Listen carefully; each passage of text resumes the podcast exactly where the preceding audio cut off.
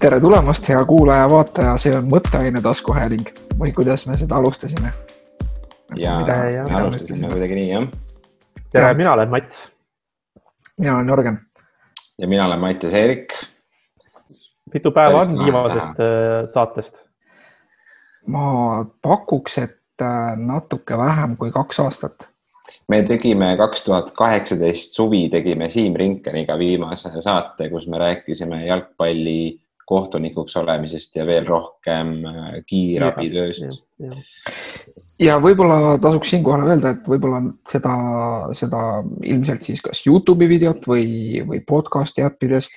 seda faili või SoundCloudist või kuskilt mujalt, eks me oleme saadaval igalt poolt, kust inimesed podcast'e saavad. võib-olla keegi kuuleb seda esimest korda. ja see on ka okei okay,, aga, aga ilmselt me eelkõige räägime täna nagu nende kuulajatega, kes võib-olla on meid kunagi varem kuulanud või ma ei tea, ma ei tea, kuidas see välja kukub ühesõnaga tegemist on, me, me tulime kokku ja me tegime taskuhäälingut ja päris pikalt tegime, päris palju osi tegime. jah, me tegime vist ümmarguselt kaks pool aastat või kaks aastat või midagi sellist. Mm -hmm. Mm -hmm. aga no ilmselgelt on, ütleme, viimase osa ja selle osa vahel on paus piisavalt suur, et minu käest ina, ina, enam inimesed ei küsi, et millal tuleb järgmine osa. jah, ja see oli tegelikult esimene asi, mida ma teie käest tahtsin küsida, kui ma mõtlesin, et me jälle seda saadet äh, äh, kokku tuleme tegema, mis meil tegelikult äh, peame tunnistama, on läbi terve selle kahe aasta pidevalt mõttes olnud. see on pakkunud meile mõtteainet. sest, sest minul ikkagi neid kordi, ma arvan, saab lugeda, läheb vaja ikka kahe käe sõrmi, kui mingisugused inimesed, keda mina justkui ei tundnud äh,, a la nagu keegi poes või Woldi kuller äh, ja oli veel mingeid siukseid asju, küsisid, et oo oh,, et by the way, et kas, et mis mõtteaine taskuhäälinguga juhtus, et, et kas on tulemas järgmist osa või ja, ja noh, see on olnud nagu, et võib-olla tõesti vii, viimane selline asi juhtus, noh, võib-olla ma, ma olen üsna kindel, et vähem kui aasta aega tagasi, kui, kui minu käest keegi, keda ma ei tunne, küsis, et nagu, et mis saatega juhtus ja hästi tavaline küsimus on ikkagi see, et kas te läksite tülli Mm. äh,, on minu käest mitu korda küsitud. ja, ja ma mõtlen, et me võiks selle ära vastata, et tegelikult on asi hästi pragmaatiline, me ei läinud absoluutselt tülli äh,, vaid lihtsalt äh,, lihtsalt nagu see rutiin, millesse me olime nagu sisse läinud, et, et, et mingid ajad, millal me seda saadet tegime, et vist nagu minu ja Mattiase, et Mats, sinu elu muutus hiljem, aga, aga nagu minu ja, minu ja Mattiase elu nagu muutus tollel sügisel, mis siis oli kaks tuhat seitseteist sügis või?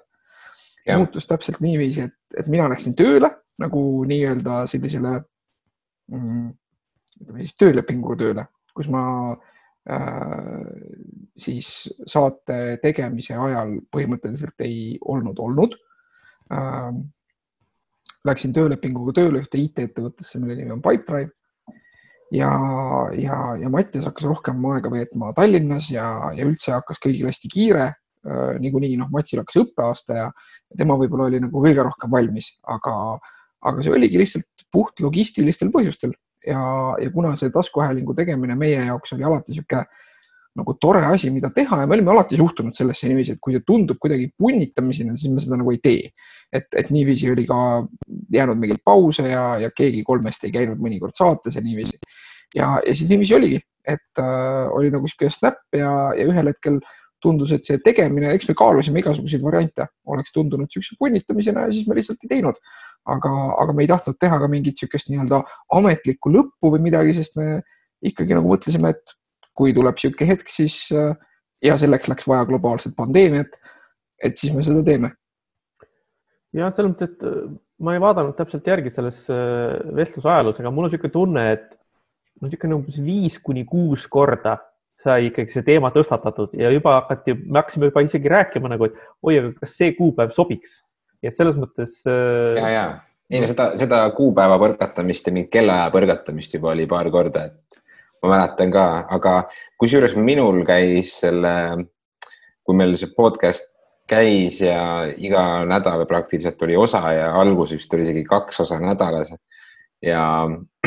nende tootmine ja nende valmis lõikamine ja nende piltide tegemine ja, ja heliklippide kokku miksimine, et see oli tegelikult päris huvitav nagu kogemus endale ka, neid nagu produtseerida niimoodi. ja siis mulle tund, tundubki, et mingi hetk see hakkas kuidagi niivõrd nagu ära väsitama ja üksteiseks ka muutuma ja mis mina tähele panin, see, et kui me hakkasime mõtteainet tegema, siis Eestis oli võib-olla mingi viis podcast'i sellist, kes nagu niimoodi veebis tegid seda, nagu meie tegime, et mõned olid raadiosse juba läinud, mõned olid nagu ka alles alustanud. ja siis sellel hetkel, kui me juba olime regulaarselt seda tegemas, siis tuli see niisugune podcast'ide laine peale ja siis palju nüüd viimase, ma ei tea, kahe aasta jooksul või pooleteise jooksul ma olen ikka vaadanud, et neid äh, saateid on juurde tulnud ja on ka mitu tükki ära lõppenud veel pärast meidki, nii et ähm, see on natukene nagu bändi tegemine juba, et kunagi oli see, et äh, hakkad, äh, hakkad bändi tegema ja siis vaatad, et all right, et see on nagu lahe, lahe žanr umbes või lahe asi, mida teha ja siis järsku kõik teevad seda ja siis mõtled, kurat, see pole cool enam, et mul hakkas endal järsku nagu no sellest, minu arust oli sellest isegi nagu mingil hetkel ma nägin nagu sellist äh, noh, ma ei tea, kas, äh, kas see noh, ühesõnaga meemi või, või nagu mingit igal pool jagatavat pilti, mis oli kellegi umbes tweet'ist, mis oli see, see meem, et, et everybody koolon kolm punkti äh, ja siis nagu kolm lambi tüüpi, we should start a podcast. Et äh, see Twitteris ka, Jörgen, tahtsingi aga räägime kohe asjadest, mis vahepeal paneme, oleme tähele pannud, siis äh, ma ei ole Twitteris aktiivne, eks ole, aga ma olen aktiivne jälgija ja mulle väga meeldib, et äh, koroonaga on kaasa tulnud see, et Jörgen Matsi on Twitteris hullult aktiivne ja postitab igasuguseid mõtteid ja vastab igasugustele võõrastele inimestele mingid noored inimesed, kes seal mingisuguseid elu mõtteid mõlgutavad, siis Jörgen lihtsalt vastab väga ratsionaalseid vastuseid neile. see on, see on jah, ütleme, et, et huvitavad asjad või nagu nähtused. Äh, et äh, ma nagu taasavastasin enda jaoks Twitteri, sest äh, ma tundsin, et mul on vaja, et ühest küljest see on näiteks asi, mida ma olen vahepeal teinud, on see, et ma olen üritanud piirata enda niisugust üldse nagu mõttetut mingite e-seadmete tarbimist ja, ja sealhulgas ka sotsiaalmeedia tarbimist just ja, aga samas ma tunnen, et see on nagu mingi huvitav asi või et ma nagu tahan seda teha ja see loob mulle mingit nagu väärtust. ja noh, nagu Facebookis ma nagu viimasel ajal üldse nii-öelda enam väga ei, ei taha olla äh,. aga, ja, ja Instagram on nagu niisugune teistmoodi, et see on nagu niisugune hästi visuaalne müra, aga ma leidsin, et Twitter on nagu mingi selline see on nagu huvitav sissevaade mingitesse niisugustesse väga isoleeritud nagu mikrokosmostesse, see Eesti Twitter on selles suhtes üldse nagu naljakas, et seal ongi nagu, et on nagu mingi seltskond selliseid äh, äh keskealisi mehi nagu mina kes, kes kirjutavad nagu enamus kirjutavad, kas on mingid, paljud on mingid ajakirjanikud, poliitikud või siis nagu mingid wannabe ajakirjanikud ja wannabe poliitikud või, või nagu politoloogid, ütleme nii-öelda. ja, ja siis nagu teine seltskond, siis on nagu, seal on justkui vahepeal mingi sihuke tühimik ja, ja siis on nagu inimesed, kes on noh, vanuses nagu viisteist kuni kakskümmend viis äh, kellel on nagu mingi täiesti oma nagu mingi subkultuur ja, ja, ja mõlemas on nagu äh, et, et nii-öelda mõlemas nagu aktiivsete osaliste nagu hulka, noh, me saame lugeda nagu maksimaalselt sadades, eks ju. et, et see on ikkagi nagu väga siuksed väiksed kommuunid justkui, et, ähm, et olgugi, et neid jälgijaid võib-olla on tõesti nagu noh, mõnel inimesel nagu tuhandetes, aga isegi nagu noh, võrreldes mingi maailma mastaabiga või nii-öelda ingliskeelse Twitteriga on see Eesti Twitter nagu nii naljakalt väike, see on nagu sihuke, nagu sihuke huvi, minu jaoks on see veel hetkel natukene hakkan ära väsima, aga, aga noh, sihuke ühel hetkel sihuke huvitav kultuuriline fenomen kus, kus nagu natukene osaleda ja, ja, ja nagu vaadata, mis, mis värk on, et, et lõbus. ma olen ma endale pannud limiidi, et viisteist minutit päevas kasutan. ma vahepeal lihtsalt äh, tahaks segada sellega, selles osas vahele, et ma selgitan, miks ma siin niimoodi tõmblen. Äh, mul on üks, äh, mul on üks väga aktiivne kass, kes nõuab tähelepanu pidevalt, nii et sellepärast mu pilk liigub kõrvale ja ma siin nihelen, aga see ei tähenda, et ma ei kuulaks sest et. Äh, lemmikloom või laps äh, Zoomi kaadris, see on äh, praeguse ajastu norm. jah, aga tema on selles osas väga, ütleks niimoodi, et ma, ma ei ole kindel, et ma meeldin talle nii palju, et ta minu arvuti peale tahaks äh, nagu kõndida või astuda, et muidu see on nagu see väga levinud see, eks, et kass tahab olla klaviatuuri peal ja ronida igale poole, et tema on selline, kes nagu minu kirjutuslaua peale ja arvuti ümber väga ei, ei tiku. kuigi jah, ma ei tea, see, see, see ei ole talle, temale nagu see omane mm. -hmm. Mats, kuule, kui sa Tallinnasse kolisid, et ega sa juhtumisi vanasse ETV stuudiosse ei kolinud elama? see on nii halb väli, ma kohe selgitan, et vaata need asjad su selja taga seal, need näevad välja nagu need reisile sinuga saate need voldikad sellised jah, tähendab selles mõttes, et vajadusel saaks neid kindlasti sellega, sellena kasutada jah, aga, aga ei, et see, need on, ütleks niimoodi, et põhimõtteliselt on tegemist minu magamistoa seinaga. et mm. -hmm. Ma... see on äh, portable sein, selline nii-öelda, et teeme äh, privaatsust juurde, kui on vaja ja siis teeme ruumi avaramaks, kui on vaja. jah, jah, et äh, mul õnnestus äh, tutvuste kaudu saada üks selline korter, mis on tehniliselt ühetoaline, aga noh, siin on nagu pinda mingisuguse kahetoalise jagu vähemalt. et ähm, ma olen väga-väga rahul selle asukoha ja, ja, ja kõige muuga, nii et jah, ma olen nagu Jörgen ennist mainis jah, eks, et, et äh, vahepeal ka mina olen teinud läbi eri, erinevaid elumuudatusi ähm,. ja ma nüüd just äsja mai alguses äh, kolisin äh, poole kohaga Tallinnasse Äh, asusin ka uuele töökohale. kuigi mitte täielikult, et ma edaspidi jagan oma aega siis Tallinna ja Tartu vahel, et äh, Tartu Ülikooli ja ühe advokaadibüroo vahel. nii, aga ja. tähendab, millest me ikkagi nüüd siis räägime?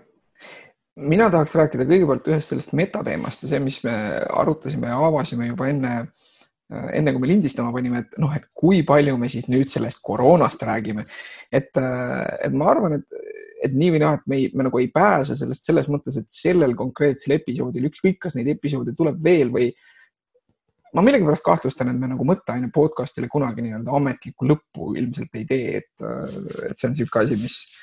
mis, mis, mis võimalik, et, et kes teab, järgmine episood tuleb võib-olla kümne aasta pärast või võib-olla ei tule kunagi, eks ju, aga ma arvan, et see on kusjuures hea mõte, ma ise mõtlesin samamoodi, et äh, nagu te siin mõlemad võib-olla mainisite vahepeal, et keegi küsib, et kas me läksime tülli või midagi juhtus, et see on äh, lihtsalt selline tingimusteta podcast natukene, et meil ei ole nagu mingit ajalist korda praegu enam vähemalt hetkel see struktuur ei toiminud. aga selleks, et me saaksime seda asja teha siis, kui me tahame teha, siis me võiksime selle hoida lihtsalt lahtisena ja, ja tegelikult äh, kui keegi vanadest kuulajatest vaatab seda videot praegu või kuulab seda saadet ja, ja ma tean, et meil on Facebooki saadetud ka sõnumeid, et kuna te tagasi kokku tulete, et kui keegi praegu tunneb, et äh, tal on suur hea meel sellest tänasest saatest, siis andke meile märku ka, et kirjutage meile või jätke mingisugune signaal, et te panite tähele seda osa ja mis te arvate sellest. Äh, kui meie näeme ka siin oma muude asjade kõrvalt, et mõtteaine järgi on ikkagi soovi ja huvi, siis ma arvan, et see nagu annab meile ka mingisuguse väikese tunde, et võib-olla tõesti leiame selle tunnikese neljapäeva õhtul kell kümme, et see saade ära teha, onju. Mhm. ja, ja vot. ja, ja see on tegelikult asi ju, mis noh, et nali naljaks, eks ju, aga et, et mida minu jaoks on ikkagi selgelt nüüd äh, praegune karantiin ja kõik, kõik see nagu normaliseerinud on, on just see, et ma enne tegelikult mõtlesin, et ma ei tahaks seda podcast'i teha elektroonilises formaadis. ma ei tahaks teha podcast'i üle kõne, aga ma olen esiteks nüüd nagu tarbinud palju rohkem neid podcast'e, mis on tehtud üle lindistuse. see kvaliteet võrreldes varasema ajaga nii-öelda ka noh, ütleme amatöör podcast idele, mida tehakse üle siis äh, üle, üle kõne erinevate vahenditega on läinud nii palju paremaks. mul on tekkinud endal see usk, et jah, et see ühest küljest see võibki nagu, et see vestlus, mida sa pärast kuulad, et seal ei ole enam seda veidrat nagu delay'd või seal ei ole enam seda veidrat nagu äh, näiteks äh, seda, et üks, üks tüüp justkui on ruumis ja teine tüüp kõlab nagu ta oleks mingisuguse telefoni otsas aastal tuhat üheksasada kaheksakümmend seitse äh, et, äh, et, et seda nagu enam ei ole, et see on nagu piisavalt mugav tarbida minu enda jaoks ja, ja teine aspekt siis on muidugi see, et seoses oma tööga, noh alates siis äh, märtsi, mis see oli, kaheteistkümnes märts või kolmeteistkümnes märts, eks ju äh,. alates sellest olen mina töötanud samas mahus nagu enne, aga lihtsalt kodukontorist ja, ja see on toimunud väga suures ulatuses, eks ju, üle video või kõik interaktsioonid, mis varasemalt, millest suur osa oli varasemalt, äh, et võib-olla varasemalt oli seda üle videotööd oli päevas, noh, võib-olla tund, kaks, tavaliselt mitte rohkem, siis, siis nüüd on ikkagi see kurb reaalsus, et ma noh, sihuke võib-olla mõnel päeval jah, jätkuvalt, mõnel päeval saan kahe tunniga hakkama, aga, aga enamikel päevadel ikkagi kolm-neli ja, ja vahel rohkem tundi olengi nagu videokõnes nagu mõne inimese või inimestega. ja, ja see on nagu minu jaoks nagu normaliseerinud seda, et oh, et miks mitte, miks mitte teha ka nagu mõtteainet niiviisi, et teeme siis, võtame siis lõpuks kätte ja teeme lõpuks selle ühe nagu et, ühe episoodi, see oli mul küll, et ma ei, ma ei mõelnud, et see on nagu closure, et me kuulutame välja, et, et me nüüd lõpetame, laseme mingeid kelli ja vilesid, vaid, vaid pigem just seda, et, et anda nagu inimestele tagasisidet, et, et me ei läinud tülli ja, ja, ja teisest küljest siis ka tõesti nagu kraadida seda, et hmm,, et huvitav oleks teada, et kas, kas keegi veel mäletab, kas keegi veel hoolib. Feels. tähendab, kui nüüd ikkagi, millest asi algas, asi algas sellest, eks, et Jörgen püstitas selle küsimuse, et kui palju sellest koroonast rääkida. ja samas Jörgen eelnevalt mainis, et Facebookis enam eriti ei taha olla. Äh, ja mina tahaks nagu siis nendele mõlemale siis nagu nii-öelda vastata või nagu nii-öelda peegeldada sealt, et äh, kui mina käin täna Facebookis, siis kõik need lingid ja postitused, mis räägivad sellest äh, viirusest ja haigusest otseselt või umbes nendest laiematest sotsiaalsetest mõjudest või nendest mingitest ma ei tea, meetmetest, mida inimesed võtavad ette, et seda nagu neid olukord, seda olukorda leevendada ja nii edasi ja nii edasi, siis ma lihtsalt nagu vaatan kõigist sellest mööda, sest et ausalt öeldes see on kuidagi nagu see, et see tundub nii, ma ei tea, mul on nagu juba täiega villand sellest või selles mõttes, et see kuidagi on nagu see, et noh, ma ei tea, mina, mina seda nagu ei vaata, nii et selles mõttes ma arvan, et sellest viirusest ja sellest haigusest, sellest äh, nii-öelda sellest kõigest sellest ma tõesti ei, ei viitsiks ja ei tahaks nagu rääkida, eriti kuna ma ei ole äh, valdkonna ekspert, et äh, siin teha mingisuguseid hinnanguid selle kohta, et ma ei tea, et millised on äh, meie võimalikud ootused ja, mis on mingisugused terviseohud ja kas kanda maske, maske või mitte, onju. Äh, aga noh, selles mõttes on see, eks, et äh, paratamatult me ei saa mööda sellest, et see uus elukorraldus on meie enda elusid niivõrd palju muutnud tõenäoliselt et noh, nagu see tekitab kindlasti selliseid kogemusi ja juhtumeid või nii-öelda sunnib meil asju nägema uue nurga alt. Äh, et noh, sellest me ilmselt mööda ei saa. ja sellega seoses mul on tegelikult mõned niisugused huvitavad lood, mis ma tahaksin inimestega jagada. ma olen päri, et seda, et mis mõttes nagud oleme me saanud ikka nagu söögi alla ja söögi peale oma eludes tõenäoliselt minu, minu konkreetne, ma mõtlesin, et ma mõtlesin, see oli nagu see, et mul oli, ma nägin seda ja mu peas oli mõte, et vot, et see oleks ideaalne nagu, et kui nüüd oleks mõtteaine podcast, siis oleks nagu, et mis mõttes nagu ja see oli see, kui ma äh, tulin autoga kuskilt, see võis olla eelmisel nädalal ja ma nägin äh, tasku küljel, taskukeskus Tartus, selle küljel nägin suurt välireklaami, mis äh,, seal on üks suur ekraan, kus siis kuvatakse erinevaid reklaame ja seal oli reklaam, mis siis oli lihtsalt nagu valge taust ja musta kirjaga üks veebiaadress, mis oli www.avaliksidekriipskiri.ee. kas te olete seda juba näinud? Äh, ma olen mingeid linke sellele näinud, jah. et äh, peab, peab tunnistama, et hea reklaam, et mul oli nagu see, et okei okay,, et ma, kui ma auto ära parkisin, siis ma arvan, et ma isegi võib-olla juba võtsin äh, telefonist lahti selle äh,. ja, ja selgus, et tegemist on nagu äh, esmapilgul, see on, see ongi nagu nii-öelda siis avalik kiri Äh, kes tahab, võib siis veebist vaadata, kuigi ma väga ei tahaks nagu traffic ut äh, ajada sellele leheküljele, aga, aga et see on niisugune siis nii-öelda avalik kiri, mis, mis hakkab nagu suhteliselt viisakalt ja, ja nagu äh, küsides küsimusi nagu Eesti valitsuse ja, ja Terviseameti käitumise kohta seoses koroonaga.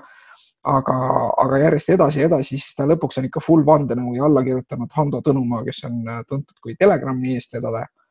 äh,. ja Mariann Joonas samuti, jah jah, et, ähm,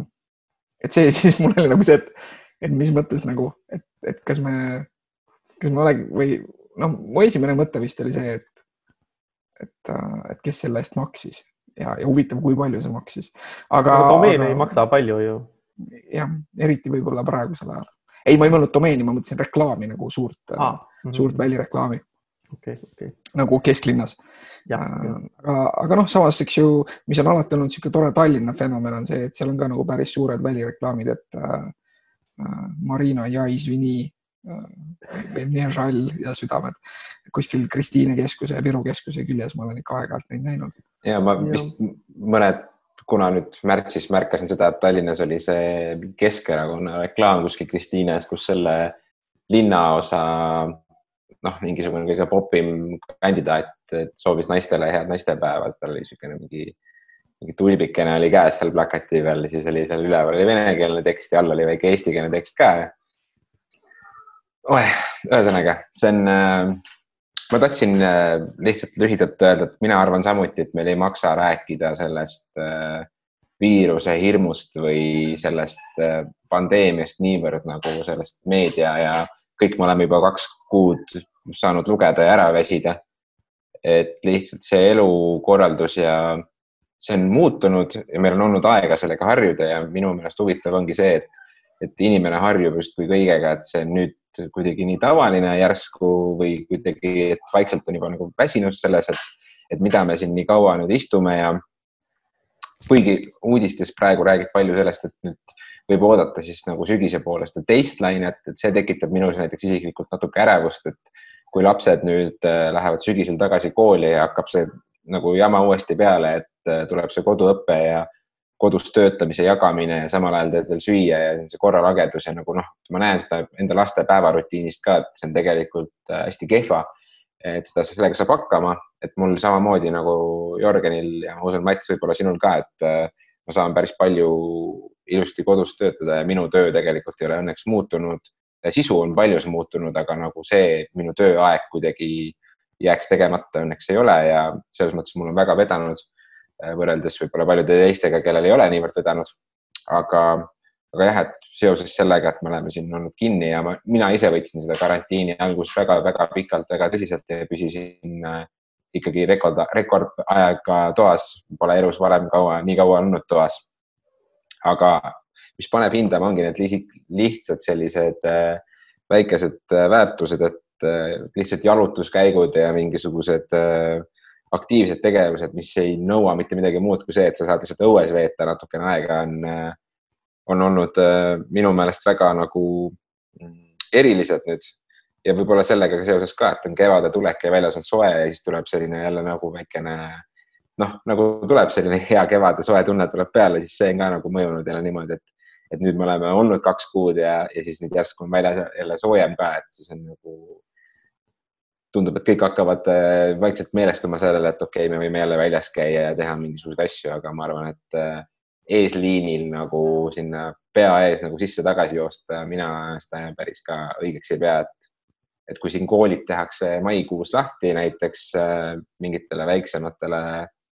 äh, gruppidele, siis ma ise nagu, kui ma käiksin koolis, siis võib-olla vaataksin, kuidas teistel algusest läheb, eks see oleneb ka individuaalselt et ometi saab ju suurema töö ja kõik asjad siit äh, digitaalselt ära teha, et, et see kaks nädalat enne, kui koolid lõpevad või näiteks ka lastest rääkides, siis ma ei näe, et mis, mis need enam niivõrd palju muuta saavad, aga võib-olla Mats, sul on äh,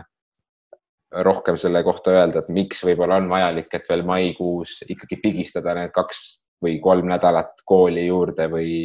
või nii edasi. selles mõttes, et äh, ma tean, et Tartu Ülikool igal juhul on sisuliselt võtnud selle seisukoha, eks, et semester tehakse lõpuni e-õppes, välja arvatud nende erialadel ja nendel tingimustel, kus see on nagu absoluutselt vältimatu, mis siis puudutab noh, näiteks noh, eri neid, neid inimesi, kes siis peavad laborites midagi tegema, onju. aga ütleme, et humanitaar- ja kunstide valdkonnas, kus mina töötan, et seal on nagu sedasi, eks, et õppetöö on e-vormis, lõputööde kaitsmine on e-vormis, lõpuaktus on e-vormis noh, diplomitele lähevad inimesed järgi ükshaaval allkirja vastu, nii et selles mõttes noh, muidugi ähm, natukene võib-olla on nendest inimestest kahju, kes tänavu esimest korda ülikooli lõpetavad, aga mul on tegelikult selles, selles mõttes mul on hea meel, et, äh, et noh, ma olen Tartu Ülikooli juba kolm korda, kaks korda, kaks korda lõpetanud olen Tartu Ülikooli ja, ja üldse olen kolm korda lõpetanud ülikooli ja siis mul oli nagu see, eks, et nüüd ma peaksin saama oma õigusteaduste baka kätte sellel suvel. ja siis ma nagu mõtlesin, et kas ma nagu lähen sinna aktusele või ei lähe, et teiste inimeste jaoks on see kindlasti nagu suur asi, aga minu jaoks on see kuidagi nagu niimoodi, et ah, mis seal ikka. aga samas oleks nagu vahva minna ja suruda kätte, saada oma diplom. aga noh, nüüd õnneks mul seda probleemi selles mõttes ei ole, et maailm otsustas minu eest ära, et seda tseremooniat ei toimu. Ja siis ma lihtsalt saan oma diplomi kunagi hiljem kuskil ähm, kätte. aga kui nüüd Mattias kirjeldas seda, kuidas ütleme, elukorraldus on muutunud ja ähm, kuidas võib-olla oli vaja nagu ümber harjuda niimoodi, onju, et siis kui see sotsiaalse distanteer, distantseerumise teema nagu algas, et siis ma kuskil Youtube'i video all kommentaarides nägin seda fraasi, mis oli umbes niimoodi, et kogu maailma kõik eh, nohikud ja geimerid ütlevad vaik, vaik, vaik, vaikselt endamisi endale, et, et ma olen terve elu selleks treeninud, et nüüd viimaks ma saan oma võimed panna nagu äh, kasutusse ja tegelikult mul on väga palju olnud samasugune tunne. et äh, kui ma mõtlen selle peale, eks, et nagu, et mil määral minu igapäevaelu muutus, mil määral minu vaba aeg muutus, äh, mis on need asjad, millest ma selles mõttes nii-öelda nagu ilma jäin ja kui palju need asjad minu, ütleme noh, päevast või nädalast nagu ajaliselt sisustasid. et siis tegelikult see on nagu väga-väga-väga väike osa, äh, mis selles mõttes nagu muutus et äh, noh, põhimõtteliselt noh, kõige suurem asi ongi siis see, et kinod on kinni, et kino oli koht, kus ma nagu käisin regulaarselt ja ütleme siis teine asi, mis sellega seostub, on siis see, eks, et ma ise korraldasin ja ise aktiivselt osalesin erinevatel äh, viktoriinidel, filmiviktoriinidel peamiselt, et siis nagu need on nagu ära kadunud äh,. vähemalt sellisel kujul, nagu need ennem olid. aga no väljaspool seda, see on kuidagi nagu see, eks, et aga ma ennem ka istusin kodus ja vaatasin Netflixi või istusin kodus ja mängisin arvutimänge või istusin kodus ja lugesin raamatut. et noh, selles mõttes kuidagi nagu mul on natuke niisugune tunne, et äh, ma ei,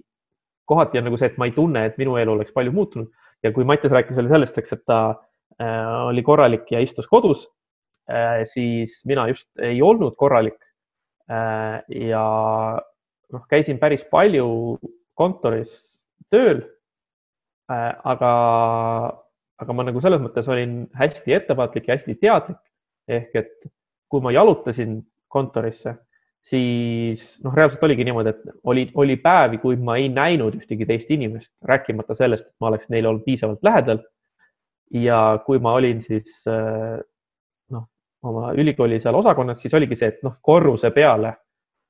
kus on kümneid kabinette, seal võib-olla oli kaks või kolm inimest. et noh, jällegi see, et ma ei näinud mitte kedagi, ma ei sattunud kellegi kontakti ma äh, väga tihti aktiivselt äh, puhastasin äh, neid ukselinke, mida ma kasutasin ja oma käsi. et selles mõttes noh, oligi nagu see, et ma ei näinud, et kontorisse minek oleks nagu reaalselt nagu muutnud midagi võrreldes sellega, et ma olen kodus. ja siis noh, oligi nagu see, et ma kuidagi nagu elasin niisuguses naljakas mullis, kus tundus, et kogu see, kogu see nii-öelda muutus, mida teised inimesed läbi elavad, ei ole minu eluni kuidagi jõudnudki see on nagu, on mingi klassikaline Rootsi lasteraamat vist on nagu mingisugune pallepäev või midagi niisugust, kus poiss ärkab hommikul üles ja ta on nagu terves maailmas üksinda. Äh, et siis natukene seda vibe'i. ah, ja, ja ma tean küll seda raamatut, jah. Ma tahtsin ise kommenteerida nagu kahe nurga pealt, et, et just see mõjutamisest ja sellistest või noh, et kui palju see on nagu mõjutanud kedagi. et noh, minu üks suur asi on ju see, et me tegelikult siiamaani ei tea, mis saab nagu sellest nagu spordist, millele ma olen pühendanud, eks ju, praeguseks juba peaaegu pool oma elust. et, äh, et ikkagi sellega seoses tuli ka nagu keelde äh, huvitav termin või, või see, see tegi nagu meile palju nalja, et, et Terviseamet kasutas ter,, kasutas treeningute suhtes terminit vältimatu maadlusolukord. et, et, et ühesõnaga, et neid, neid alasid, kus on nii-öelda vältimatu maadlusolukord, et neid siis soovitatakse nagu mitte, mitte, mitte teha praegu veel Mm, hoolimata sellest, eks ju, et siis see õues, õues nagu sport justkui praeguseks hetkeks on juba lubatud. ja, ja selles plaanis me ka oma spordiklubis ka kaalume vaikselt, et ilmselt mingis formaadis nagu treeningutega me vaikselt nagu proovime alustada, aga noh, sisuliselt nagu ütleme ka seda, et inimeste suhtumise osas ja, ja, ja nagu seda, et, et noh, ma siiamaani arvan, et, et see jujitsu või Brasiilia jujitsu on nagu väga sihuke unikaalne ja väga mitmes mõttes väga kasulik nagu harrastussport, mida, mida laiemalt promoda ja, ja, ja millega ma väga, väga oleks edasi tahtnud tegeleda. mul saab just kahe päeva pärast on minu, minu musta vöö esimene sünnipäev. Et ma sain umbes aasta tagasi sain oma Brasiilia jujitsu musta vöö Äh, ja ma olen selle aasta jooksul, mulle tundub, et ma olen vähem trenni teinud kui võib-olla, ma ei tea, viimase, noh, kindlasti viim, vähem kui viimaste aastate jooksul keskmiselt, väga palju vähem. Äh, juba enne, enne nagu lockdown'i. et, et me ei tea, mis nagu sellest spordist saab ja, ja, ja seda nagu globaalses mõttes, et, äh, et, et see on nagu ikkagi väga sihuke, väga sihuke kummaline asi, mis mind on väga palju mõjutanud, et ma olen ikkagi harjunud nagu noh ka, ka nagu oma suhteliselt tiheda elu kõrvalt ja seda harrastusena võttes ikkagi nagu noh, kuskil vähemalt kaks korda nädalas nagu saalis käima. ja, ja minu jaoks oli see hästi suur asi on see, et noh, et ma olen leidnud, et, et mul on väga raske, no ma sain aru, et ma olen endale nagu disaininud selle nagu treeningkeskkonna, mis oligi mulle meeldiv ja motiveeriv ja nii edasi ja mul on olnud väga raske nagu alustada või, või nii-öelda hoida ennast liikumises nii palju, kui tegelikult mul oleks kasulik või, või tegeleda nagu mingisuguse noh, võimlemise või, või, või nagu väikse jõutrenniga kodus. et, äh, et esimene kuu ma ei teinud seda peaaegu üldse, et siis, siis nagu vaikselt, vaikselt hakkasin nagu üles võtma, aga teiste inimestega puselemine on kindlasti midagi, millest ma nagu väga-väga suurt puudust tunneks, et, äh, et see nii-öelda nagu MMA sport näiteks või jujitsu sport laiemalt nagu noh, see, ma elaks selle üle, et ma ei, ma ei tunne nüüd nii suurt puudust, et sport on kinni, et uhu, et, et ma ei saanud kunagi enam sporti vaadata, et sellega ma hakkasin hakkama, aga, aga just, et kui see kultuur on selline, et seda ei saa nagu ise harrastada enam sellisel normaalsel moel. et, et siin jäid ka ära mitmed laagrid, kuhu ma pidin minema ja noh, ma ikkagi ise ütleks, et, et mul nagu kutse ja, ja, ja lennupiletid juuli keskel ühte ägedasse laagrisse Islandil, et noh, nagu ma praeguseks hetkeks juba pigem arvan, et see, see võib-olla ei toimu äh, ja nagu huvitavad, huvitavad faktid veel on, mida saab visata, et, et ähm, et me kõik teame, kuidas oli äh, Saaremaa ja Itaalia võrkpalluritega ja niiviisi, eks ju. tegelikult pidi märtsi alguses toimuma äh, Tallinnas ka üks Brasiilia jiu-jitsu laager, mida korraldasid itaallased. Ja, ja, ja Terviseamet andis nagu tugeva, tugeva soovituse, et, et, et ärge seda ikkagi, kui võimalik, siis ärge seda ikkagi tehke ja, ja siis nii-öelda nagu Eesti-poolsed kontaktid nagu noh, ütlesid, et sorry, et me ei, me ei võta seda riski. ja itaallased ise veel väga tahtsid tulla nii palju kui ma tean. Aga, aga siis see oligi umbes nagu noh, paar päeva enne seda, kui, kui nende riik täiesti lukku pandi. et ähm, ma tahtsin vahepeal äh, enne, kui me hakkame nii-öelda lõpuminutitele jõudma ähm,. palun ära no meil on lõpuminutiteni ikka veel oma pool tundi aega. meil on veel, meil on veidi. ma vaatasin vist kella valesti. et ma tahtsin äh, rääkida ka vahet, vahelduseks ühe lõbusa loo seoses selle nii-öelda muutunud maailmaga mm. -hmm. et äh, kuna siis äh,, ja see on nüüd perspektiivist, kus mina olin tudeng äh,. ja lugu on siis selline, eks, et äh, kuna poole semestri pealt äh, muutus kogu õpe e-tasandile ja ja kuna siis äh, see tuli ikkagi enamikele ju inimestele selles mõttes totaalse üllatusena, eks, et nad olid planeerinud oma aine, nad olid planeerinud oma õppetöö ja siis järsku on teada, et noh, näed, nüüd ei, nüüd ei saa, nüüd ei, nüüd ei toimu. Ähm, ja siis ähm, ühes aines äh, tähendas see ka kohe seda, eks, et tuli veel, tuli ju viia läbi eksam äh, e-vormis ja ega õppejõul ei olnud väga palju aega reaalselt nagu kohandada seda eksamit sellele uuele formaadile. Äh, et noh, ja siis, mis siis juhtus, oli ju see, eks, et noh, me tegime seda eksamit äh, internetis. aga mis siis tegi selle loo natukene lõbusaks, oli see, et äh, õppejõud andis ette seal mingisuguse kakskümmend viis, kolmkümmend teoreetilist küsimust, mis siis, mida ta andis siis kordamiseks ja mille mõte oli siis see, eks, et noh, et et oska nendele küsimustele vastata ja siis, kui sa tuled eksamile, siis sa oskad ka nendele eksamis äh, olevatele teoreetilistele küsimustele vastata. Äh, ja ühel hetkel ma nagu mõtlesin endamisi, et oot-oot, aga kui ma olen kodus oma arvuti taga ja eksam koosneb sellest, et ma trükin valmis mingisuguse faili ja ma tean, et sinna eksamisse tulevad noh, mingid teoreetilised küsimused sellest etteantud loetelust. et miks ma siis ei kirjuta nagu igale küsimusele vastust kodus varem valmis ja siis, kui eksam tuleb, siis ma lihtsalt valin nimekirjast sobivad asjad, teen copy paste ja selle võrra mul jääb rohkem aega eksamis, et siis lahendada see kaasuse osa. Äh, ja siis ma mõtlesin, et tegelikult noh, isegi siis, kui ma seda reaalselt ei tee niimoodi, siis see on, oleks tegelikult hea viis õppida, on ju, et ma vastan küsimustele enda jaoks kirjalikult ära ja siis, kui ma pean eksamil seda tegema, siis see on nagu lihtsam. ja siis ma alustasin selle protsessiga, siis ma hakkasin mõtlema, et oot-oot-oot, aga et äh, kui minu vastused on sellised äh, väga hoolikalt äh, ja täpselt valmis kirjutatud konspekti kujul ja ma neid siis sinna eksamisse kopeerin, et äkki siis õppejõud hakkab vaatama, et midagi on kahtlast. et kuidas on võimalik, et keegi on äh, sellised, äh, sellised vastused eksami situatsioonis nagu valmis teinud. ja siis ma postitasin Facebooki niisuguse nagu noh, nii-öelda pool tõsise, pool humoorika küsimuse, et mis te arvate, et kas ma peaksin oma vastused ette valmistama niimoodi, et nad näeksid välja veidi lohakad, justkui nagu nad oleks eksamisituatsioonis äh, valmis kirjutatud ja seal tekkis nagu mingisugune väike diskussioon sel teemal ja niimoodi. ja siis, mis oli äh, väga huvitav, oli siis see, et võib-olla siis noh, äkki järgmine päev äh, saatis õppejõud siis kõigile osalejatele kirja, kus ta siis täpsustas mingisuguseid neid eksami sooritamise neid tingimusi ja asju. Ja siis kirja lõppu ta lisas nagu, et vastuseks tudengi murele tuleks ikkagi küsimused kirjutada ilusasti ja korralikult ja mitte kiirustades, et jätta muljet, nagu need oleks eksamisituatsioonis ähm, äh, siis koostatud. Ja mis on siis naljakas on siinjuures on see, eks, et, et õppejõud näis vastavat otseselt nagu minu küsimusele Facebookis, aga me ei ole Facebookis kontaktid, mis tähendab seda, eks, et keegi minu Facebooki kontaktidest pidi edastama selle tollele õppejõule, kes siis sai sellele nii-öelda küsimusele nagu vastata. et selles mõttes see oli nagu päris niisugune äh, huvitav äh, lugu, mis minuga juhtus. Mul oli teine remark veel, mida ma tahtsin äh, seoses selle maailma muutumisega näha, et, et sellega seoses, mis Mattias ütles, et ta rääkis, kuidas see kodus istumine ja kõik seda, et minu meelest see on suurepärane näide sellest äh, nagu praktiline näide, millega nüüd inimesed saavad nagu äh, noh, suhestuda nagu mm, psühholoogia teooriast kust äh, me teame seda, et nagu hirmul põhinev motivatsioon ei saa kesta väga pikka aega.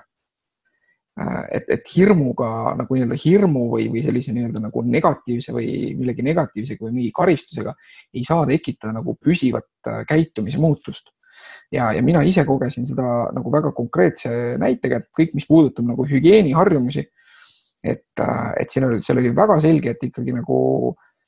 selle eriolukorra alguses ma isegi noh, ma ei pidanud selle peale isegi nii väga mõtlema, aga ma ikkagi pesin käsi väga noh, väga pühendunult ja, ja, ja ma isegi ei märganud, mis hetkel toimus see muutus, aga, aga ühel hetkel ma avastasin, et ma olen nagu tagasi libisenud nagu samadesse harjumistesse, kõiges, mis puudutab näiteks käte pesemist või, või, või seda näiteks, kas ma pärast väljas käimist või väljas olles nagu puudutan oma nägu või mitte või noh, kõik mingid sellised asjad, mille suhtes ma ütleme, niisugune kaks-kolm, võib-olla neli nädalat olin nagu väga valvas et see kuidagi nagu vaikselt libises tagasi sinna üsna sellele baseline'ile, mis on,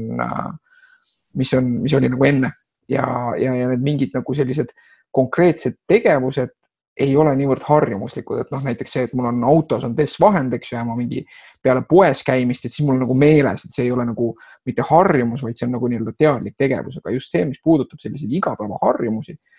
et, et seal, kus see oht on eriti nii-öelda niisugune nagu mittetuntav ja nähtamatu või et see oht on nagu nii-öelda lihtsalt ähvardus, et selle abil ei saa luua püsivat motivatsiooni. Ja, ja see on midagi, mida, mida varasemalt meile teooriad ja erinevad katsed on öelnud, aga, aga nüüd on ilmselt inimesed saanud sellega oma naha peal läbi kogeda ja, ja, ja see on tegelikult samamoodi ka noh, mis iganes, et, et, et kas, kas püüate lapsi kasvatada ainult ähvardustega või, või, või, või mõtlete selle peale, et kas ja kuidas näiteks töösituatsioonis töötajatele suuremat motivatsiooni tekitada, siis, siis, äh, siis enamasti nagu millegi negatiivse või nii-öelda karistusega motiveerimine ei, ei too väga häid äh, või vähemalt mitte püsivalt häid tulemusi. ja, ja seda ma ise nägin ka, ma käisin nädalavahetusel Kadriorus jalutamas ja kui ma sinna parki jõudsin, siis mul oli nagu see, et vau wow,, et siin on nagu rohkem inimesi, kui ma eales olen näinud Kadrioru pargis inimesi. et äh, ma olin tõesti nagu see, eks, et noh, Tartus oli ikkagi niimoodi, et tänavatel liikudes oli näha, et tänavad olid tühjad. Äh, aga, aga see, mis seal noh, ja siis ongi sedasi, et noh, nüüd on poolteist kuud on see olukord toimunud ja, ja ikkagi see, see hulk inimesi, mis seal Kadriorus oli, oli ikkagi minu jaoks oli üllatav. aga noh, tõenäoliselt on samamoodi, eks, et ega need inimesed, kes mõtlevad, et noh, et et äh, me oleme nii-öelda sellest algsest eriolukorra lõpukuupäevast juba möödas ja ütleme, siis ongi see, et inimestele kuidagi niisugune tunne, et, et jah, alguses tuli, tundus see oht suur ja, ja asi, aga noh, nüüd ongi see, et nad on nagu kuidagi ära harjunud ja see on see uus normaalsus ja, ja siis nii ongi, onju. Mhm. mul on äh, selline mõte veel öelda selle olukorra kohta, et äh, et kuidas teil näiteks sellise teatud määral ärevuse või sotsiaalse ärevusega oli lood, et kui see oli eriolukord välja kuulutati, siis tollel nädalal, kui need uudised järjest läksid intensiivsemaks, siis minul näiteks tekkis noh, natukene nagu selline ärevus, et tekkis hirm isegi, et okei okay,, et kas tõesti see jõuabki nüüd kohale, kas minu vanemad, minu vanavanemad, minu lähedased sõbrad, kes iganes, kõik inimesed jäävad terveks mis saab töökohtadest, mis iganes, igasuguseid mõtteid hakkas peas kogunema. ja siis, kui ma jõudsin neid mõtteid natuke mõelda ja lähedaste inimestega rääkida ja noh, uudiseid kogu aeg jagada ja, ja et Itaalias oli jälle mingi rekordarv surmad ja nii edasi, et siis see kõik oli väga hirmutav, aga mingil hetkel umbes kümnendal päeval sa juba oled su, su niisugune threshold selle nagu vastuvõtlikkus hakkab juba nagu natukene ähmasemaks minema, et sa oled vist nii palju neid uudiseid lugenud, et sa enam ei jõua neid jälgida. ja siis näiteks äh, nagu Mats, sinul ka, et äh, sa enne ütlesid, et see tegelikult nagu väga palju elustiilis midagi ei muutunud või see nagu see olukord oli meeldiv pigem, et äh, mul, mul avaldus ka nagu enda üllatuseks, et ma alguses arvasin, et ma olen väga selline väljapoole elav ja ja justkui nagu, et ma naudin seda, et mul on mingisugused tegevused ja kohtumised ja asjad, siis tegelikult äh, mulle väga on meeldinud see, et, äh, et ma tean seda, et mul kindlasti ei ole tegevusi väljaspool kodu olnud mingi aeg nüüd, et äh, saan täiesti rahulikult äh, puhata, ma tean seda, et ma ei tee plaane, mul ei olegi võimalik mingisuguseid plaane teha, et see mingil määral vastupidi just ärevust väiksemaks võtnud ja teinud minu elu palju lihtsamaks, et ma olen keskendunud kodus võib-olla rohkem mitmekülgsele toidu valmistamisele olen lastega saanud lähe, lähedasemaks sellepärast, et nüüd ma teen nendega päriselt ka mingeid koolitöid, varem ma nagu lihtsalt äh, vaatasin, mida nad koolis õppisid rohkem nii-öelda, siis äh, lihtsalt on aega olnud palju enda asjade üle mõelda, enda peale mõelda, mitte niivõrd palju sellele, et mida keegi teine kuskil teeb ja, ja kus mingid sündmused on, et sa näed, mida teised inimesed teevad, et kindlasti sotsiaalmeedia on jätkuvalt see aken nagu, aga järsku terve maailm oli samamoodi kodus, et siis see aitas nagu võib-olla rohkem enda asjadele minu puhul näiteks keskenduda ja, ja mina tunnen küll, et, et see, et see karantiinis olek on olnud pigem positiivse mõjuga. ja, ja, ja see esialgne niisugune hirmutunne on asendunud pigem nagu niisuguse seesmise rahuga, et, et, et ma ei tea, kuidas teil tunded on? no mina võin öelda, et vahetult pärast seda, see oli, see oligi siis jah, see märtsi keskpaik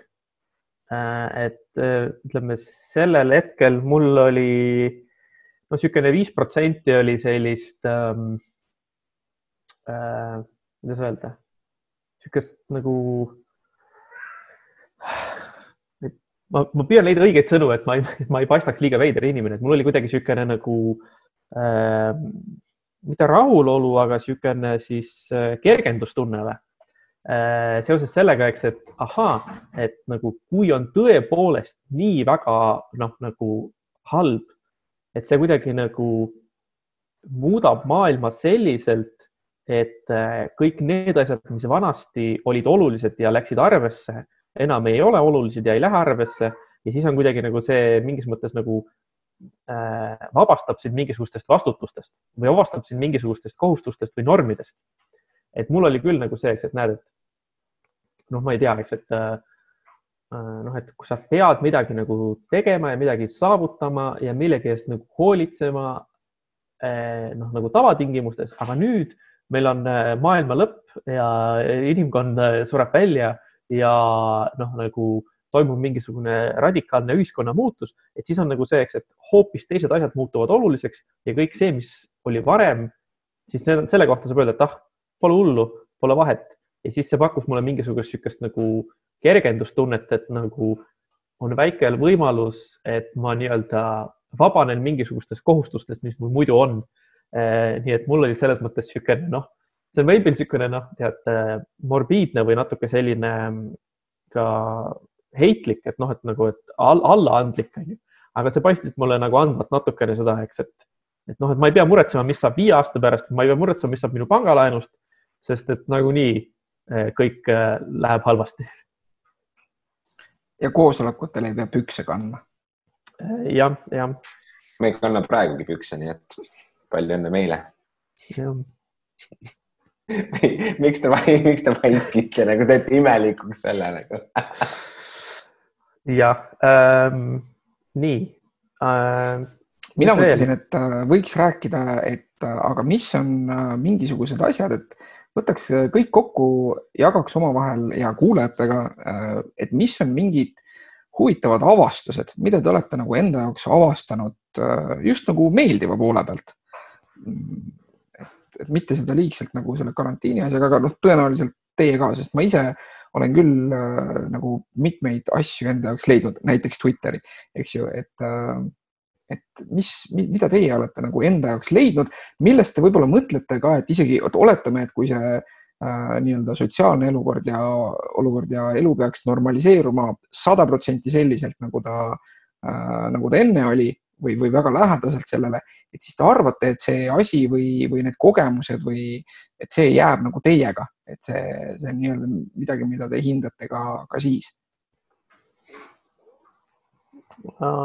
mina jään praegu vist vastuse võlgu, et. Äh, mis selles valguses, kuidas sa rääkisid, et väga midagi ei muutunud, aga, aga siis lihtsalt mõelda, et mis on nagu, mis on näiteks mingid, mis on parim asi, mida sa Netflixist selle aja jooksul oled vaadanud? no ma arvan, et äh, viimase... alustage teie, siis ma võib-olla vahepeal mul äh, särtsatab midagi. minul näiteks on see, et, et mul on kodus siin see Playstationi konsool on ju ja see on olnud juba tegelikult üle aasta aja siin lapsed on sellega peamiselt mänginud, aga karantiinis olek on andnud mulle võimaluse rohkem, rohkem mänge proovida. ja, ja mul on, ma olen nagu avastanud, et see nende, nende mängude mängimine on kindlasti mõjunud ka rahustavalt ja mõnusalt. ja on kindlasti praegu näiteks sellel ajal, kus ma pole saanud näiteks enda hobidega tegeleda, milleks on näiteks muusika, bändi tegemine mis on samuti seisma jäänud, siis äh, see tunne, mida ma sealt sain varem, siis see kombineeritud. Äh, ma olen ka hakanud muuseas näiteks noh, ise kodus oma keharaskusega tegema lihtsalt trenni, käin jooksmas juba mõned, äh, mingi neli nädalat vist nagu järjepidevalt. ja see kõik on väga hästi mõjunud lihtsalt mulle, et ma leian, et kõiki neid asju ma teeksin ka edaspidi. ja noh, tegelikult olen mingil määral ka teinud enne kui see karantiin algas, aga need on sellised väga klišee asjad, mida öelda, aga nagu tegelikult midagi erilist siin noh, tõesti mingit enneolematut asja siin pole tõesti nagu juhtunud. et, et ähm,. mida sa mängid, mis on, mis on nagu mäng, mis pakkus? spordi, spordimänge olen hakanud mängima, et varem enne karantiini ma mängisin näiteks Red Dead Redemption teise osa vist kaks korda läbi mingi üle pika perioodi nagu see mäng mulle väga meeldis ja siis ma väga, ma olen selline, et kui ma leian ühe mängu, siis ma üldiselt nagu panengi seda tähele ja muud ma väga tähele ei pane. aga nüüd ma olen hakanud rohkem spordimänge tähele panema, et need on äh, selles mõttes meeldivad minu jaoks, et äh, mul ei ole vahet, et kas ma mängin näiteks NHL-i hokimängu või mängin äh, mingit MLB pesapallimängu või mängin mingisugust UFC mängu või mis iganes ma mängin, siis kõik need spordimängudes on nagu see üks matš korraga, et ma saan selle selle väikse mängimise vajaduse sealt kätte, see võtab võib-olla mul pool tundi, võib-olla võtab vahepeal tund aega. aga, aga see ei ole niimoodi, et noh, et mul jääb mingi storyline nüüd seal kinni, et ma ei, pärast ei mõtle selle peale absoluutselt, et see on niisugune hea, hea nagu asi, mida teha, et, et jah, vot. Äh, ja ähm, tegelikult mul nüüd tulid mõned äh, asjad, mida ma võiksin nagu äh, siia sellele Jörgeni küsimusele vastuseks öelda, et esimene asi on siis see, eks, et kui ma sel ajal, kui ma tegin oma doktorantuuri, siis ma sellega seoses reisisin hästi palju, sellepärast et ma käisin, esiteks siis ma reisisin Eesti ja Suurbritannia vahet ja teiseks ma siis käisin igal pool konverentsidel ja suvekoolides ja asjades. ja ma lendasin nagu väga palju ringi. ja, ja siis ma nagu tihti mõtlesin selle peale, eks, et noh, et lennujaamad on need kohad, äh, kus äh, noh, on kerge saada mingisuguseid pisikuid külge, sellepärast et inimesed igalt poolt erinevatest kohtadest on tihedates koht-, tihedalt ühes kohas koos ja lennuk samamoodi. ja ma nagu tihti mõtlesin, et ei tea, kas ma äkki peaks endale soetama niisuguse maski, millega reisida, et äh, see on nagu väga väike investeering ja see on nagu väga odav kindlustuspoliis. Ähm, et äh, noh, selles mõttes seda nagu kasutada sellistes situatsioonides, aga ma kunagi nagu ei tundnud, et see oleks nagu nii vajalik ja ma kunagi nagu ei, ei, see ei olnud ka nagu sedasi, et kuna ütleme noh, erinevalt Aasia riikides, siis, siis äh, Eestis ei ole nagu see, et sa lihtsalt lähed mingisse suvalisse äh, poodi ja see on seal teiste riideesemete kõrval samas saadaval, sest ma ei tahtnud mingisugust koledat masti, ma oleks tahtnud sellist maski, mis näeb ka hea elus välja Äh, nii et see jäi nagu sinna, aga nüüd äh, mõni aeg tagasi ma nägin ähm, siis Facebookis üks äh, inimene nagu reklaamis omaenda käsi, käsitsi tehtud maske. ja need nägid head välja ja mõtlesin, et aga ma ostan selle. nii et ma ostsin endale maski, mis on niisugune kodune ise tehtud, mis selles mõttes ei paku võib-olla sellist äh, niisugust kirurgilist kaitset, aga noh, selles mõttes seal on võimalusi, kuidas seda teha paremaks ja ägedamaks. Äh, ja see on ilmselt selline asi, mida ma jään kasutama edaspidi. Äh, ütleme just sellistes niisugustes ähm, reisimisolukordades, eriti just lennukiga lennates, mis, mis, mis nii-öelda nagu tuleb minuga kaasa, sõltumata sellest, mis selle konkreetse viiruse ja haigusega saab. et, et see maski kandmine niisugustes reisimissituatsioonides ilmselt on see, mille ma nii-öelda omandan äh, selle kogemuse käigus. ja mis puudutab äh, soovitusi,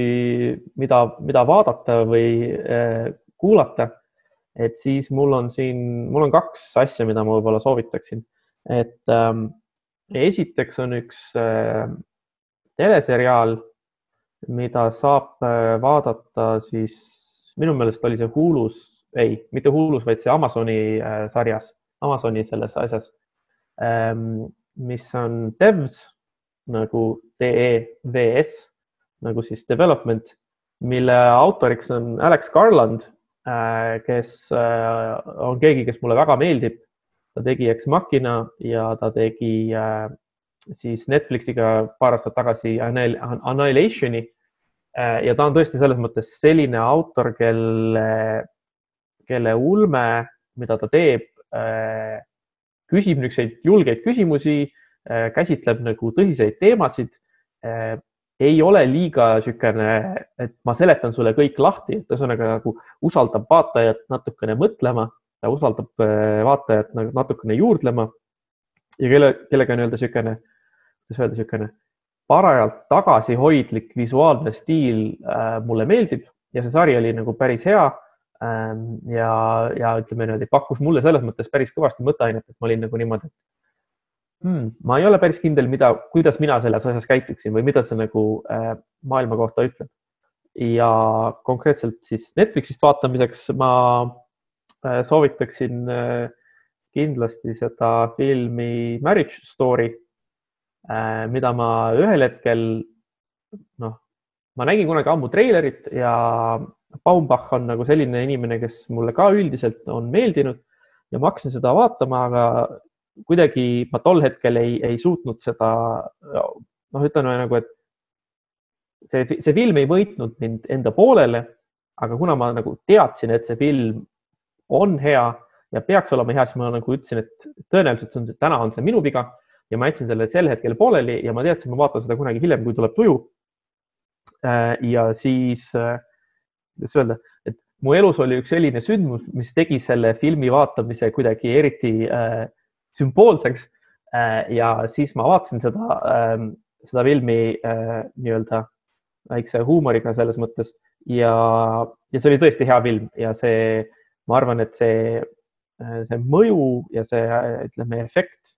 noh, võib-olla mõnevõrra oli võimendatud sellest, milline oli minu enda elukogemus, aga, aga selles mõttes ma arvan, et see on väga hea film sellegipoolest, sõltumata, milline on su enda nii-öelda isiklik suhete situatsioon ja see on küll üks asi, mida ma julgeksin nagu äh, soovitada kui, kui väga hea film. Kusjuures väga hea, et sa tõid selle teema ülesse, et äh, see film oli tõesti, liigutas mind ka ja ma ütleks, et äh, üks põhjus võib-olla, miks see film on niivõrd edukas ja hea ja läheb inimestele peale, on see, et suur osa maailmast on neid sündmusi ühel või teisel viisil läbi elanud, mis seal filmis näidatakse ja see on hästi paljudele inimestele nii-öelda relatable film ka. Kuna ja tõesti seal näitlejatöö on hästi tehtud, see filmi sisu on hästi tehtud, aga, aga sarnaselt sulle, mina ise tundsin ka, et see, see olukord, mis on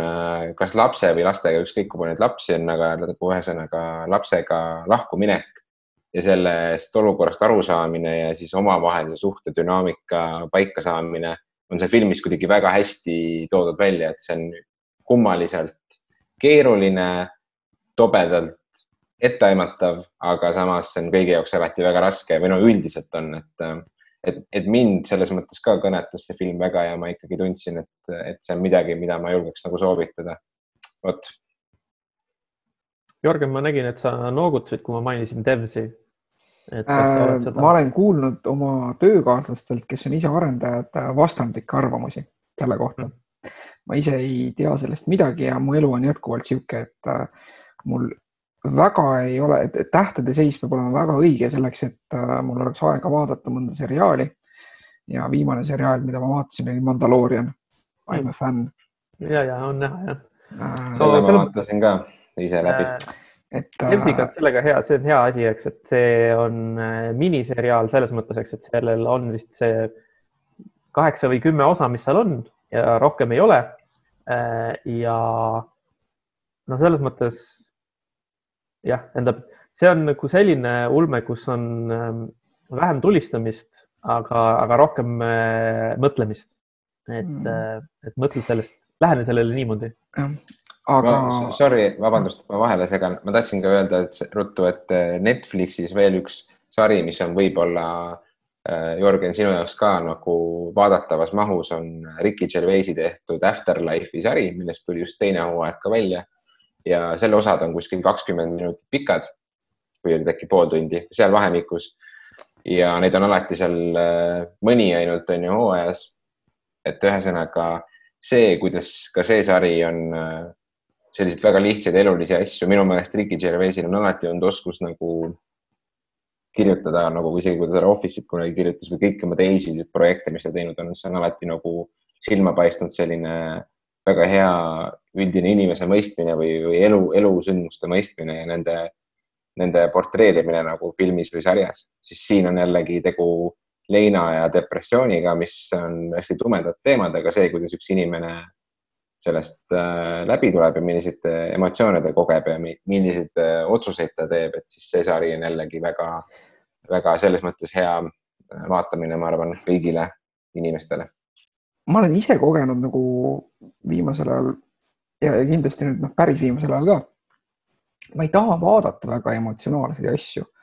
mul on nagu neid emotsioone nagu nii töö kui lastega seotult on päevas niigi nii palju. et, et midagi niisugust, mis, et noh, et selles suhtes oligi, et, et, et tõesti, et nagu Mandaloorian, niisugune klassikaline nagu noh, seal kõik vaata niisugune nagu sci-fi ja selline äh, Äh, vaikne peategelane, pseudovestern, kõik see nagu ühte patta panduna, et see oli nagu see, mis nagu tabas täpselt seda õiget kohta või seda, milleks ma praegu valmis olen. Ja kui ma, kui ma otsin mingit niisugust narratiivi, siis mul tegelikult järjekorras kindlasti järgmine asi, millega ma ei ole üldse kaugele jõudnud, on, äh, ma tahan läbi mängida äh, eelmise aasta hiti nimega Disco Elysium Mm -hmm. et, äh, et ma ei ole seda veel teinud. see just tuli Maci peale ka, mis on tegelikult äh, põhiline arvuti, mida ma hetkel kasutan, mis teeb minu jaoks selle mängimise oluliselt mugavamaks. ja, ja ma arvan, et, et nii-öelda kui, kui ma tunnen, et ma, et nüüd on õhtu ja ma tahan tarbida nagu mingit narratiivset asja, et siis ma võtan hoopis selle. ja, ja läheb sinna mingisugune mõnikümmend tundi. nii et ühesõnaga Tiger Kingi eriosa me teha ei saa mina... ei saa, ei saa, sest mina ei ole, ma, ma olen sellest palju kuulnud, ma olen mõelnud, et jah, see on midagi, mida peaks vaatama, aga ma ei ole seda vaadanud. mina näiteks hoopis hakkasin mängima malet, mis puudutas, ma olen küll kohutavalt kehva selles jätkuvalt, proovin saada paremaks. aga, aga sihuke järjekordne minu jaoks, et kus ma, kus ma võtan nagu meelelahutust, on pigem sihuke nagu, sihuke nagu tükisuurune, et, et ma mängin partiisid, ma mängin selliseid partiisid, kus on nii-öelda kohustuslik teha nagu kahekümne nelja tunni jooksul üks käik. Enamasti jõuab päeva jooksul ikkagi ühes partiis teha rohkem kui ühe käigu. ja siis vaikselt tiksutan ja, ja, ja natuke, kui on, kui on vahel tuju, siis loen juurde, et, et kuidas, kuidas peaks mängima või millised on head avangud ja muud siukest. et, et, et nagu ma ütlesin, ma olen jätkuvalt hästi kehva, et kui keegi tahab minuga mängida, siis siis ma ei tea, saatke sõnum kuskile või midagi või saatke, kirjutage mõtteaine Facebooki, küsige mu kasutajanime, kui te tahate, kui te tahate mulle millestki pähe teha. Kusjuures äh, nüüd, nüüd on küll õige aeg öelda seda, et me hakkame otsi kokku tõmbama, sest et me lubasime teha tunniajase saate ja kohe on tund täis. Äh, Jörgen, saate alguses ütlesid seda, et me oleme igal pool platvormidel kättesaadaval tegelikult on niimoodi, et kuna me oleme nii kaua aega olnud äh, passiivsed ja kadunud, siis meie mingisugused kontod on vist juba kinni läinud igal pool ja ära aegunud ka, et, et see saab olema päris huvitav praegu. me paneme selle osa Youtube'i üles, onju, postitame selle enda Facebooki kohas, kus Jörgen ei käi enam midagi vaatamas ja Mats ei käi enam midagi vaatamas ja mina ei käi enam midagi vaatamas. me ilmselt postitame selle saate endale Instagrami või kuhu iganes, mis, mis kanalid meil kõigil on et ähm,. proovime ikka muud kanalid ka lahti saada. just, et ma tahtsingi öelda seda lõpuks, et, et püüame see võib aega võtta lihtsalt. just, et see võtab aega ja, ja kui me näeme ka, et. jah, täpselt nii. ja, ja nagu selles mõttes, et, et meil ei olnud plaanis hoida nagu päris minuti pealt tundi lihtsalt siukse üldise raamina et ma võtan selle teema kähku kokku, aga mina olen veel avastanud nagu muusikat palju, et me võime eraldi sellest pikemalt rääkida, aga minu niisugune viimase aja tõesti nagu avastus on see, et ma avastasin, et sellist muusikat, nagu mulle meeldis kuulata circa aastatel kaks tuhat kuni kaks tuhat viis, et väga sarnast muusikat tehakse siiamaani edasi ja, ja mul on olnud niisugune huvitav nagu selline natukene niisugune naljaga pooleks või keel põses kogemus, et, et ma mm, koostasin Spotify'sse, ma arvan, võib-olla kuskil aasta aega tagasi koostasin mälu järgi nagu playlist'i sellest muusikast, mida me peamiselt kuulasime trennis äh, aastatel siis ütleme kuskil seal kaks tuhat neli, kaks tuhat viis, kaks tuhat kuus, mis olid nagu siuksed Eesti MM-a algusaastad, kus oli väga stereotüüpne niisugune kõva sparring või kõva kangi tõstmine käis ja selline nu metal ja, ja segamini vahepeal mingite muude niisuguste kokku sobivate asjadega nagu küllides siis taustal käimas Äh, et mul oli nagu sellest nii-öelda sihuke vanakooli playlist, mida ma vahel siis trennides nagu tiksutasin ja nüüd ma sain kokku panna täpselt sama vibe'iga playlist'i, kus ükski lugu ei ole vanem kui viis aastat. Et, äh, et, et see, see oli nagu minu sihuke, ma olen viimasel ajal võrreldes viimaste aastatega kuulanud oluliselt rohkem muusikat, lihtsalt tundides avastanud uusi uh,, uusi bände uh, ja ja, ja võib-olla mingid konkreetsed soovitused, ma ei tea, kui, kui kuulajad tahavad muusikasoovitusi, siis ma ei hakka pikalt seda teemat praegu lahkama, et jätame selle järgmisesse saatesse, mis tuleb võib-olla viie aasta pärast. Kuule, Jörgen, mina tahaks küll sinuga malet mängida, sest et mina ei ole ka väga hea, et siis ma, ma tahaks nagu proovida, et, et mis huvitav meie, mis meie nagu omavaheline tase on. et kirjuta mulle, kuidas see käib mm. -hmm. no see internetis mängimine. Chess.com on see keskkond, mida ma peamiselt kasutan, kuigi ma mainin siinkohal ka ära, sest see on mu ühe töökaaslase sihuke hobiprojekt, et tegelikult meil on Eestis väga kõva keskkond nimega vint.ee. kes ei ole käinud veel vint.ee-s, siis äh, see on niisugune Eesti mõttespordiportaal, millel tegelikult on äh, väga palju kasutajaid ja, ja, ja väga ägedaid võimalusi, et kui sa just tahad nagu teiste eestlastega nagu suhelda ja,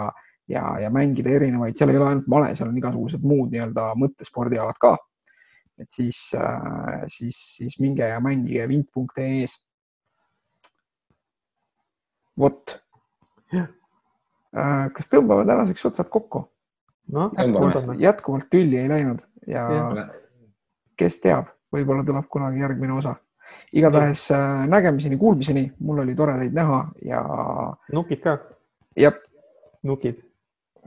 Põmm. kuule davai, oli lahe, tšau. tšau.